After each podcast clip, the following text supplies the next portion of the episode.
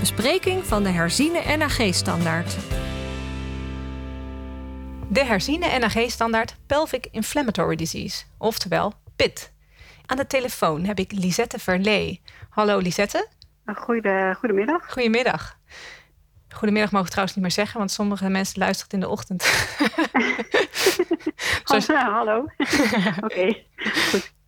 Jij bent huisarts, niet meer praktiserend en wetenschappelijk medewerker richtlijnontwikkeling.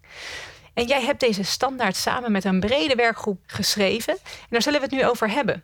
We verwijzen voor de details naar de NRG-standaard van deze PIT. Maar nu gaan we de overwegingen bespreken, de wijzigingen ten opzichte van de eerdere standaard van 2005. En we sluiten af met de kernpunten. Wat moeten we hier nou echt van onthouden? Ja, daar gaan we mee starten, Lisette. Ben je klaar voor?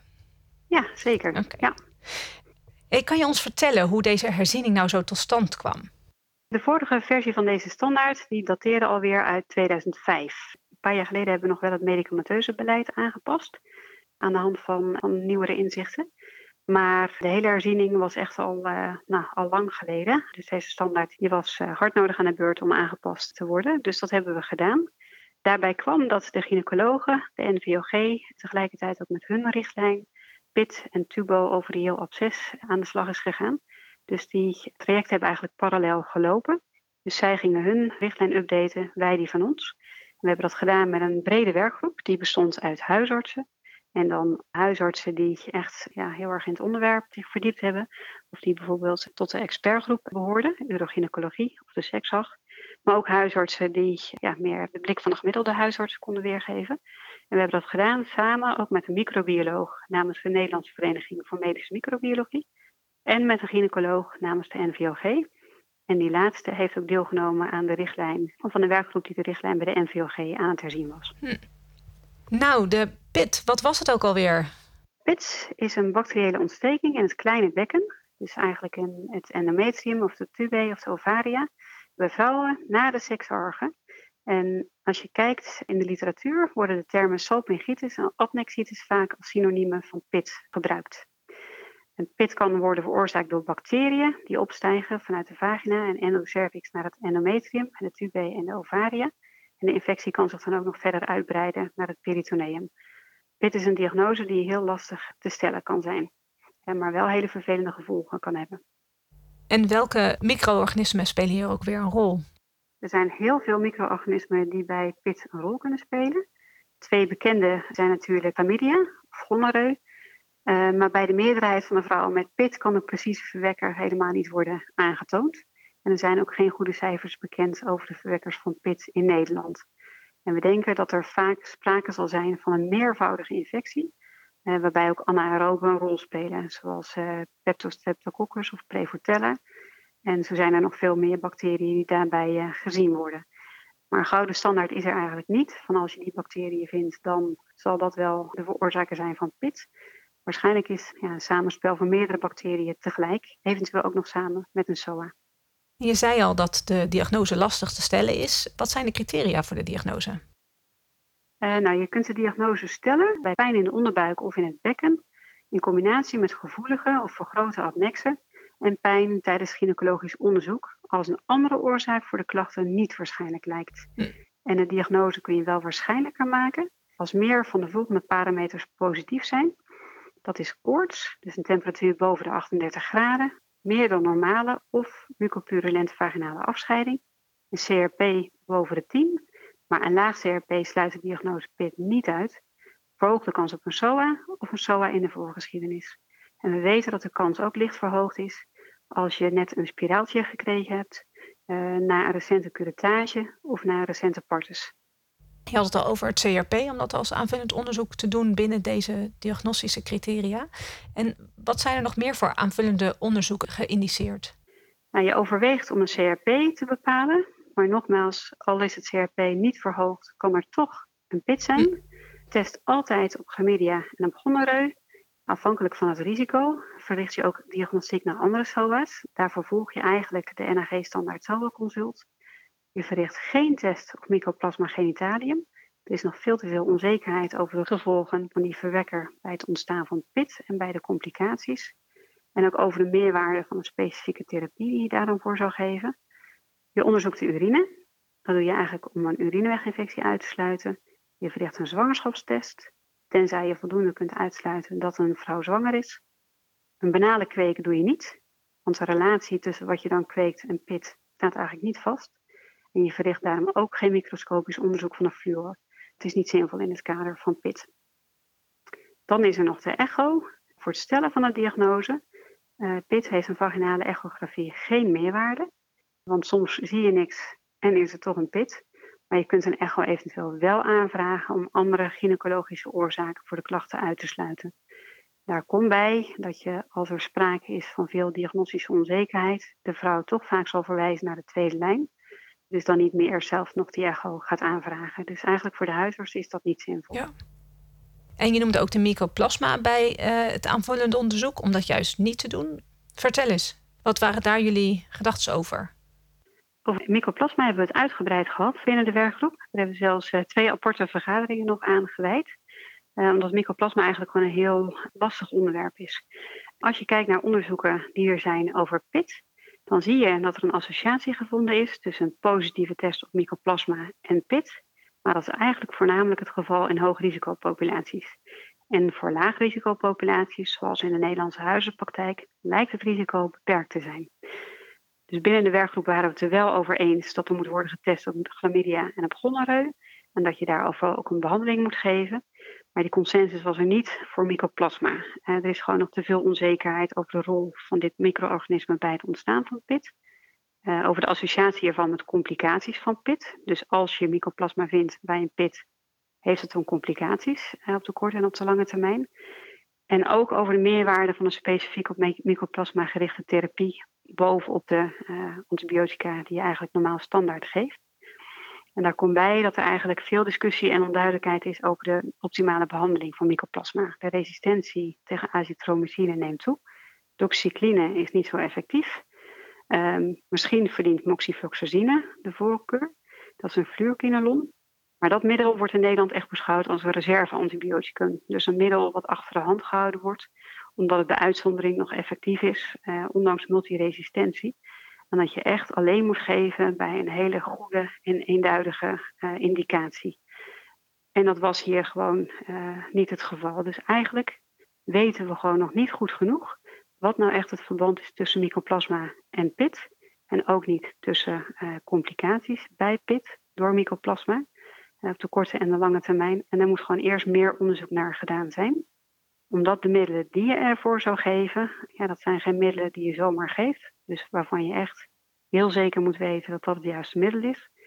En er komen ook allemaal vragen bij. Want als je dan mycoplasma test en daarvoor gaat behandelen, dan zou je eigenlijk ook moeten kijken na een paar weken of mycoplasma echt verdwenen is. Maar dan kom je bijvoorbeeld ook uh, op de vraag van moet je dan ook de partner gaan testen en dan ook weer gaan behandelen.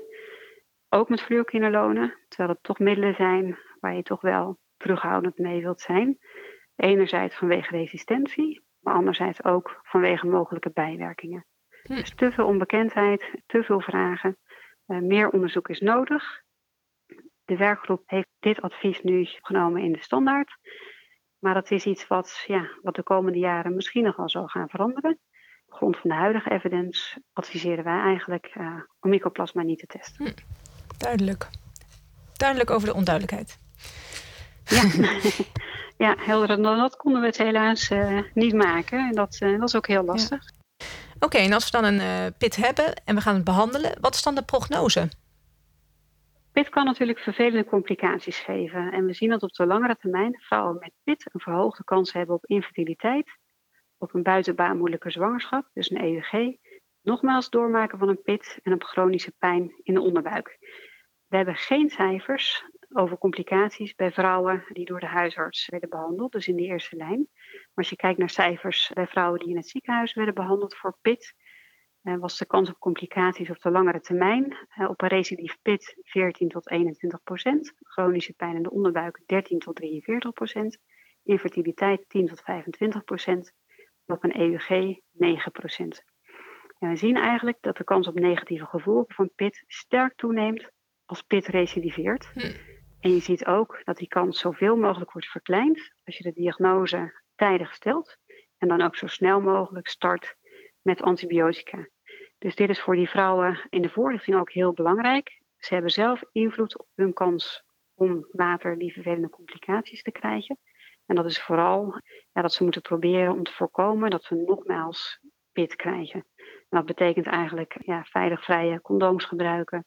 Uh, in een relatie de eerste drie maanden veilig vrij en daarna laten testen voordat je ze achterwege laat. Dus dat is wat vrouwen zelf kunnen doen eigenlijk om te voorkomen dat ze het nog een keer krijgen. En daarmee ook de kans op die negatieve gevolgen. Maar we denken dat de cijfers over die complicaties die ik net noemde, en waarschijnlijk in de eerste lijn een stuk lager zullen liggen. Alleen we weten het niet goed, want daar is geen literatuur over bekend. Hm.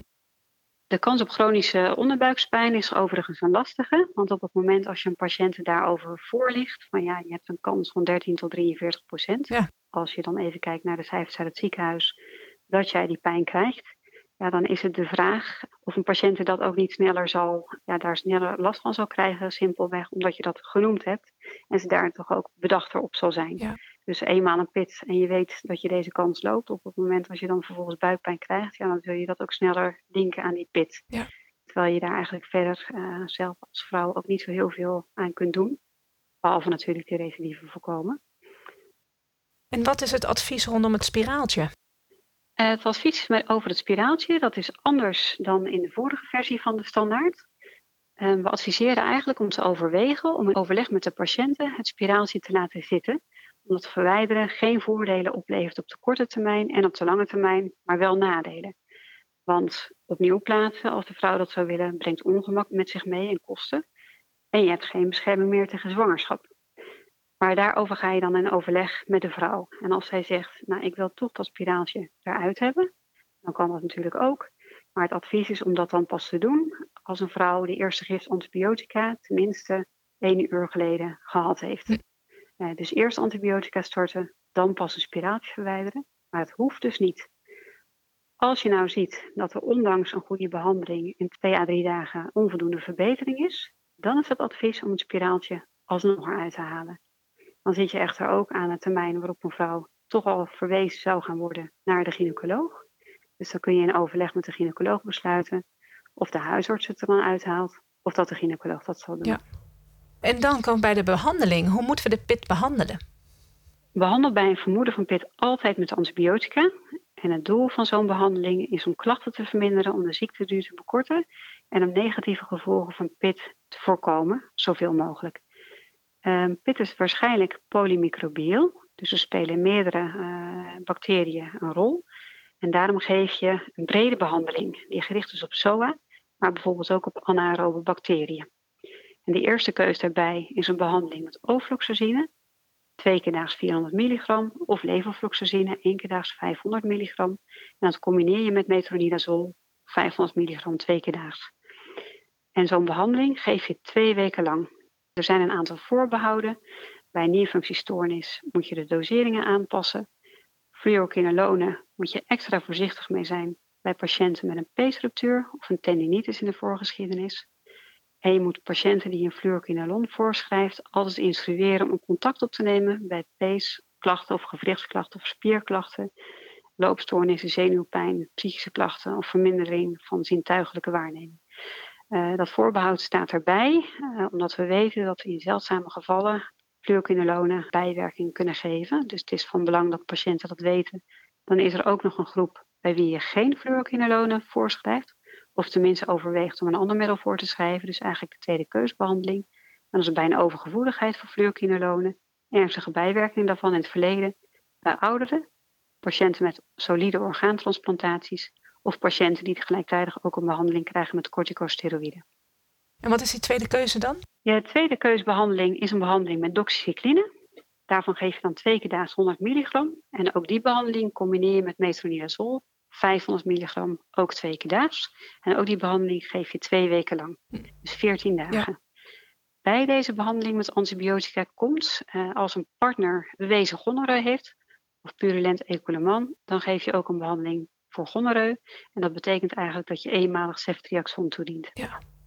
Dus of bij een bewezen infectie met gonorreu of bij typische klachten van gonorreu bij haarzelf of bij de partner. Dan ga je die patiënt daar ook voor behandelen. Dus je geeft altijd een combinatie van middelen. Dus tenminste twee middelen, ceftriaxon eventueel nog daarbij als er mogelijk ook sprake is van gonoreu. En daarnaast kun je natuurlijk ook altijd pijnstillers geven, zoals een paracetamol of een NSAID. Heb je dan nog verder naast deze antibiotische behandeling, heb je dan nog verder nog aanwijzingen? Onder andere de pijnstilling, als ik je zo hoor? Ja, zeker. Nou, je hebt natuurlijk je PCR-test gedaan. En zo nodig kun je de behandeling nog aanpassen als de uitslag bekend is van die PCR-test. Ja. Je geeft inderdaad uh, pijnmedicatie, dus paracetamol of een NSAID. Zie daarvoor ook de standaard pijn. Je start eventueel vast in afwachting van de testuitslagen met een SOA-behandeling. Zoals bijvoorbeeld met die ceftriaxon die ik net hm. noemde. En wat je ook wilt is dat de patiënten, uh, haar partner, zich ook laat onderzoeken als de SOA-tests positief zijn. Ook als die partner geen klachten heeft. En dat kan natuurlijk bij jou in de praktijk, als die patiënt bij jou ook in de praktijk is ingeschreven. En anders zal patiënt haar uh, partner moeten instrueren dat hij even contact zoekt met zijn eigen huisarts. En dat geldt eigenlijk ook voor ex-partners, dus eigenlijk tot een half jaar terug. Half jaar terug, oké. Daarvoor verwijzen we ook naar de standaard SOA consult, waar dat uitgebreid in staat toegelicht. Ja. Voorlichting is belangrijk bij PIT. Je geeft een vrouw voorlichting over het ziektebeeld. Je kijkt natuurlijk wel hoe ziek de patiënt is. Je kunt ook zeggen, de eerste keer uh, vertel ik alleen de belangrijkste dingen. Kom er tijdens een volgend consult op terug. Ja. Maar je legt uit dat PIT negatieve gevolgen kan hebben op de langere termijn. dus door littekenweefsel heb je meer kans op vruchtbaarheidsproblematiek en op EUG. Maar je legt ook uit aan de vrouw dat we snel mogelijk een goede diagnose en gelijk starten met antibiotica. Dat daardoor de kans zo klein mogelijk blijft. Ja. En welke controle spreek je af met de patiënt? Nou, je instrueert de patiënten dat ze direct contact opneemt als er sprake is van toenemend ziek zijn of als de klachten verergeren. Dus als de pijn veel erger wordt, als ze hoge koorts krijgt of misselijkheid of braken, moet ze altijd gelijk bellen. Of dat nou s'avonds, nachts of in het weekend is, dat maakt niet uit. Er wordt altijd een controle afgesproken na twee tot drie dagen, waarin je eigenlijk kijkt wat het effect is van de behandeling die je hebt gegeven. Um, je heroverweegt de diagnose en of de juiste behandeling werd gegeven. Je gaat het beloop van de klachten na en je controleert de temperatuur. Als de klachten niet of onvoldoende verbeteren, dan herhaal je het lichamelijk onderzoek. En je overlegt met of verwijst naar de gynaecoloog als je afwijkende bevindingen hebt bij je lichamelijk onderzoek of als er sprake is van een onduidelijk beeld. Daarnaast maak je ook een afspraak voor een controle na één week. En dat is vooral ook om de uitslagen te bespreken, waarbij je de behandeling zo nodig aanpast op geleide van die testuitslagen. Um, als de testen negatief waren, zet je de behandeling voort tenzij er sprake is van onvoldoende verdere verbetering. Ook dan heroverweeg je je diagnose en behandeling. En ook dan overleg je met of verwijs je naar de gynaecoloog bij afwijkende bevindingen. En zo komen we een beetje aan het eind van deze standaard. En dan komt de vraag op: moeten we deze vrouwen niet eigenlijk allemaal verwijzen? Dat is een hele goede vraag. Dat is eigenlijk de vraag waar de allereerste werkgroepvergadering bijna helemaal over gegaan is. Dit komt maar weinig voor. Uh, de incidentie is ongeveer 0,6 per duizend per jaar. Dus de gemiddelde huisarts zal niet snel of niet vaak een vrouw zien met PIT. Tegelijkertijd is het natuurlijk een diagnose die lastig te stellen is. Dus de vraag is wel op tafel gelegd. Ja, moeten eigenlijk niet gewoon al die vrouwen verwezen worden naar de tweede lijn? Dan was het mooi dat in die werkgroep ook een gynaecoloog en een microbioloog zaten. Wat we daar eigenlijk uh, hebben besproken is dat een huisarts in principe dezelfde behandeling geeft als de gynaecoloog. Dus verwijzing naar de gynaecoloog heeft eigenlijk geen meerwaarde, omdat je allebei precies hetzelfde doet. Wanneer je wel verwijst naar de gynaecoloog, daar hebben we het natuurlijk ook over gehad. En dan doe je natuurlijk bij vrouwen met ernstig algemeen ziek zijn. Want mogelijk is bij die vrouwen sprake van een tubo-ovarieel absces, wat anders behandeld wordt. Dus dat betekent dat je dan met spoed gaat verwijzen. Bij vrouwen die ook zwanger zijn, ook dan wordt er direct verwezen. Maar je verwijst ook naar de tweede lijn of naar de gynaecoloog bij diagnostische twijfel. Dus als je twijfelt over de beoordeling van je vaginaal touché. En je gaat verwijzen bij onvoldoende effect van de antibiotica na twee tot drie dagen. Ja. Dus bij ernstig zieke vrouwen, bij zwangere vrouwen en bij onvoldoende effect uh, van de behandeling of als je twijfelt, zijn allemaal redenen om te verwijzen. De andere vrouwen kun je rustig eerst zelf starten met de behandeling die toch hetzelfde is als ze ook van de gynaecoloog zou krijgen. En dan zal er naar aanleiding van deze standaard zal er ook een e-learning komen. Hè? Is er al iets bekend wanneer die komt? Ja, er komt inderdaad een e-learning aan. Dat is de PIN Pelvic Inflammatory Disease. Naar verwachting zal die op 3 november zal die uitkomen. Dus eigenlijk tegelijkertijd met deze richtlijn. Dat is uh, voor de luisteraar die dit pas over een jaar hoort, is dat 3 november 2020. Ja, ja. Hey Lisette, we hebben nu heel veel dingen besproken. We zijn hele standaard in vogelvlucht doorgegaan met het uitlichten van bepaalde overwegingen en discussiepunten. Kan je nu nog even de belangrijkste kernpunten weergeven? Ja, deze standaard heeft twee belangrijke wijzigingen ten opzichte van de vorige versie van de standaard. Je overweegt om een CRP-bepaling te doen. En dat heeft de voorkeur boven de bepaling van de BSE. Is net iets beter en ook vaak makkelijker beschikbaar in de huizenpraktijk. En je overweegt om in overleg met de patiënten bij een vermoeden van pit een eventueel spiraaltje eh, te laten zitten. En dat verwijder je alsnog als het onvoldoende verbetert binnen 72 uur. Nou, dat zijn de belangrijkste wijzigingen. Dan zijn er ook nog een aantal kernboodschappen die we hebben opgenomen in onze richtlijn. En dat is pit ernstige gevolgen kan hebben, zowel op de korte termijn, en dan heb je het over een absces, als op de langere termijn. Dan heb je het vooral over fertiliteitsproblematiek en een EUG.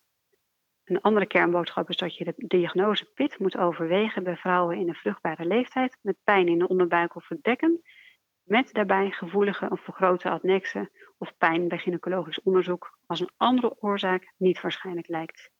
En dan zijn er nog een aantal andere aanwijzingen die de diagnose PIT waarschijnlijker maken. Dat zijn een verhoogd CRP, dus een CRP arbitrair boven de 10, hoewel een CRP wat niet verhoogd is toch ook kan passen bij PIT.